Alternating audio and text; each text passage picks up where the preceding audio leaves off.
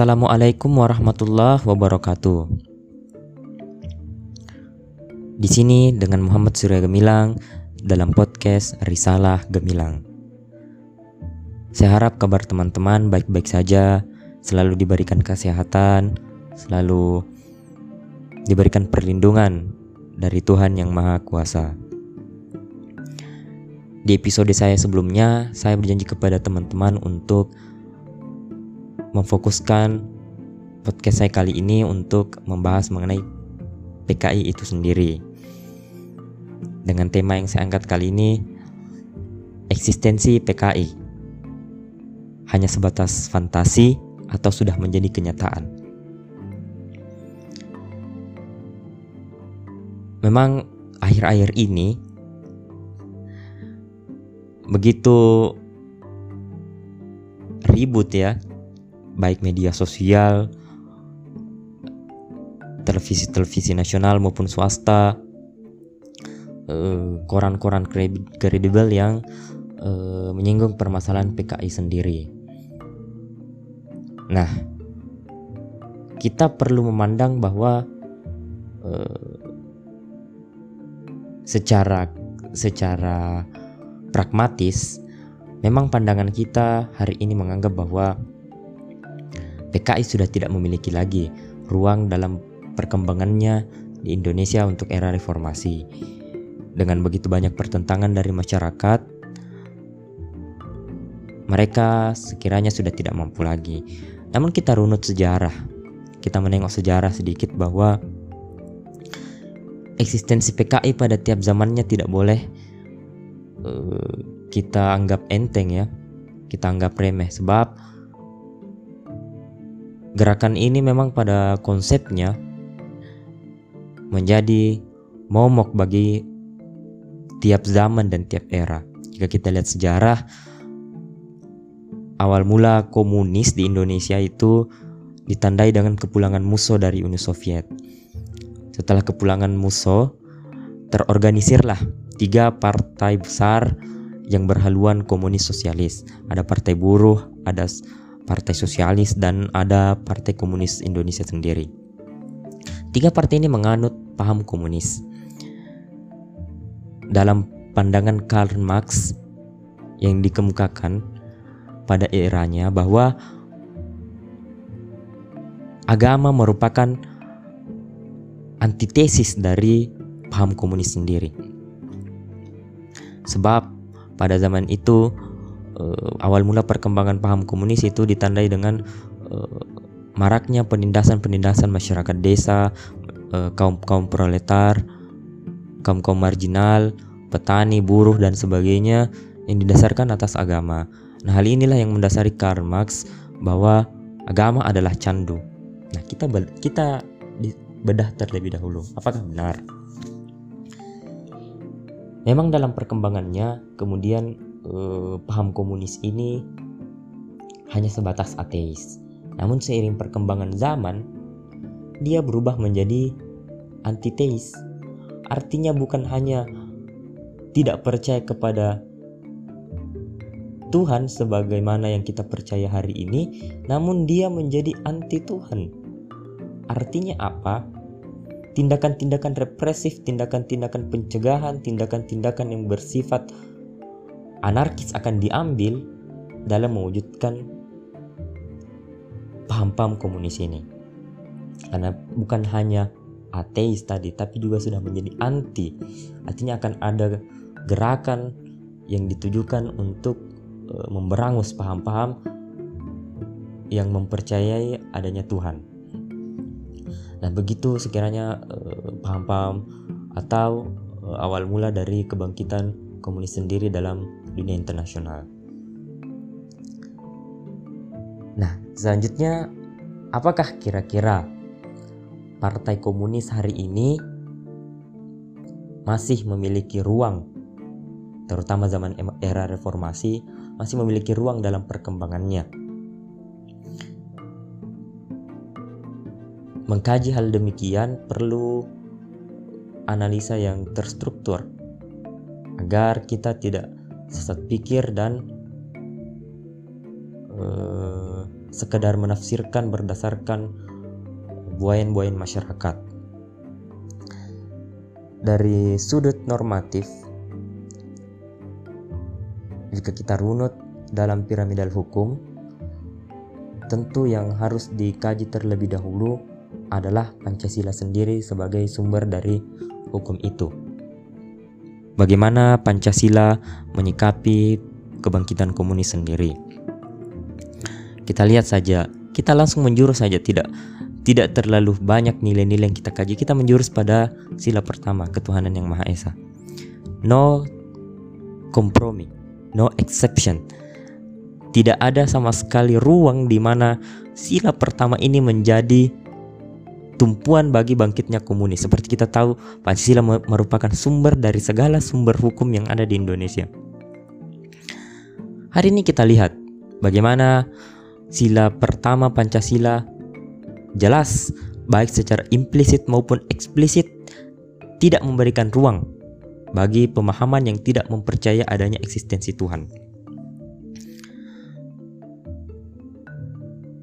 Kemudian secara undang-undang dasar.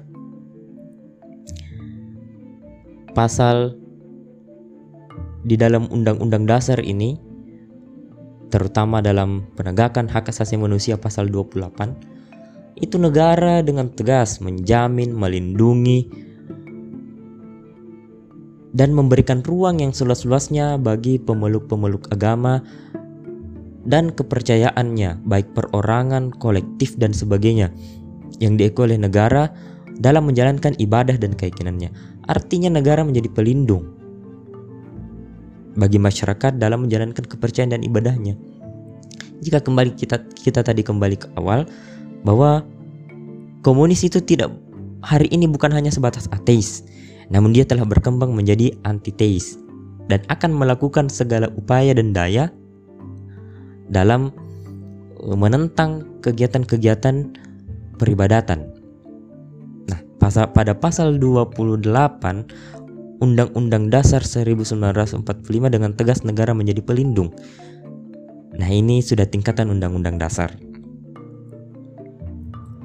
Kemudian uh, secara konteks memang penerimaan masyarakat itu tidak bisa kita pungkiri lagi. Nah, kita masuk kepada kajian empirik yuridiknya. Von Savini, salah seorang ahli hukum Eropa, mengatakan bahwa hukum positif, hukum positif sekedar info bagi teman-teman merupakan uh, hukum positif hukum positif itu merupakan hukum yang sedang berlaku. Artinya hukum yang kita terapkan, hukum yang berlaku sekarang di Indonesia itu dapat dikatakan sebagai hukum positif. Fonsafi ini beranggapan bahwa hukum positif pada dasarnya baru akan efektif apabila dia mengikuti kehendak masyarakat, mengikuti sosial budaya masyarakat, mengikuti kearifan-kearifan masyarakat, mengikuti peranata-peranata sosial masyarakat. Artinya, hukum positif yang dilaksanakan oleh negara dapat dikatakan efektif apabila dia mengikuti keinginan masyarakat. Bagaimana keinginan masyarakat kita hari ini dalam beragama? Seperti itulah model hukumnya.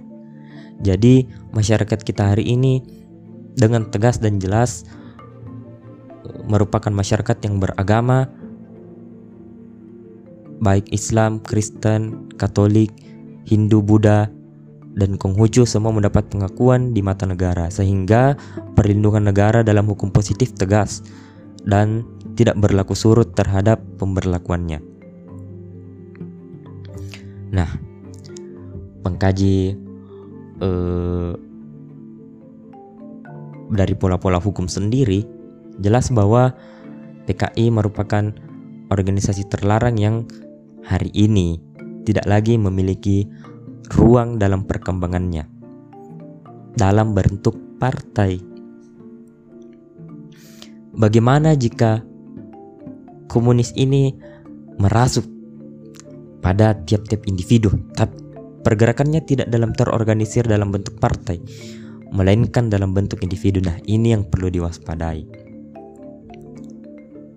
Sebab negara juga menjamin kebebasan berpikir dan mengeluarkan pendapat. Nah, ini yang perlu diwaspadai. Yang menjadi permasalahan apabila gerakan komunis ini tidak terstruktur dalam bentuk partai, namun dia terstruktur dalam bentuk pergerakan individu. Ini yang perlu diwaspadai di era reformasi. Sebab kita lihat fenomena sekarang ya. Saya juga agak merasa miris melihat kehidupan masyarakat kita yang digiring ke sana kemari oleh eh, elit-elit uh, politik beberapa tahun yang lalu eh, LGBT hampir dilegalkan. Nah, ini menuai kontroversial bertentangan dengan kearifan dan budaya masyarakat Indonesia. Yang kedua, RUU HIP yang hampir semua ormas-ormas Islam mulai dari NU, Muhammadiyah, MUI itu menentang RUU ini karena dianggap berpotensi dapat menjadi motor bagi kebangkitan PKI. Saya menduga, ini dugaan pribadi saya. PKI hari ini tidak bergerak dalam sistem komando partai, namun dia bergerak dalam sistem komando individu tidak diorganisir dalam satu kesatuan partai, namun dia merasuk pada jiwa-jiwa individu. Yang lebih parah lagi, individu-individu yang tercemar dengan paham-paham komunis ini merasuk dalam struktur-struktur pemerintahan, eksekutif, yudikatif, bahkan legislatif. Seperti kita tahu, rancangan undang-undang tidak dapat dikeluarkan tanpa musyawarah di Dewan Perwakilan Rakyat. Sementara hari ini kita melihat undang-undang, rancangan undang-undang yang kontroversial mulai dari LGBT, zina dilegalkan, dan yang baru ini RUU HIP itu mulai banyak kontroversial di masyarakat. Dan itu menjadi dugaan banyak orang, termasuk eh, pakar-pakar hukum tata negara maupun hukum-hukum pidana lainnya. Tapi kita kembalikan kepada diri kita sendiri. Sejauh apa kita mengamalkan Pancasila? Kita kembali kepada Pancasila. Sebagai dasar negara yang dengan tegas dan jelas menjamin kebebasan beragama dan melindungi sekaligus melindungi kebebasan beragama masyarakat-masyarakat Indonesia. Dengan kata lain, kita kembali ke pertanyaan awal, apakah PKI ini hantu atau nyata di zaman reformasi? Dari kajian normatif maupun kajian empirik, dia nyata. Dia nyata. Tapi bukan dalam bentuk gerakan partai. Dia dalam bentuk gerakan individu gerakan individu yang tidak diorganisir, melainkan gerakan individu dalam paham-paham perorangan.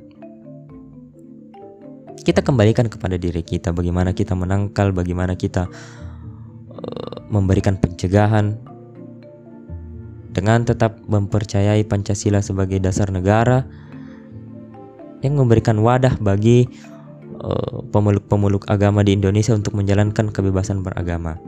Selama kita uh, mampu mengamalkan ajaran agama dengan tekad yang kuat, disertai dengan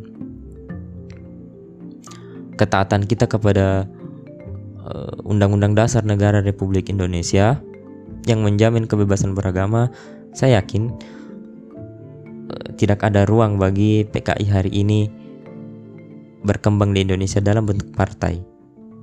Jika kita mampu menangkal di masyarakat, di sosial uh, lingkungan kita, saya yakin bahwa baik gerakan partai maupun gerakan individu tidak akan mampu mendapat ruang dalam perkembangannya. Saya mengucapkan terima kasih kepada teman-teman.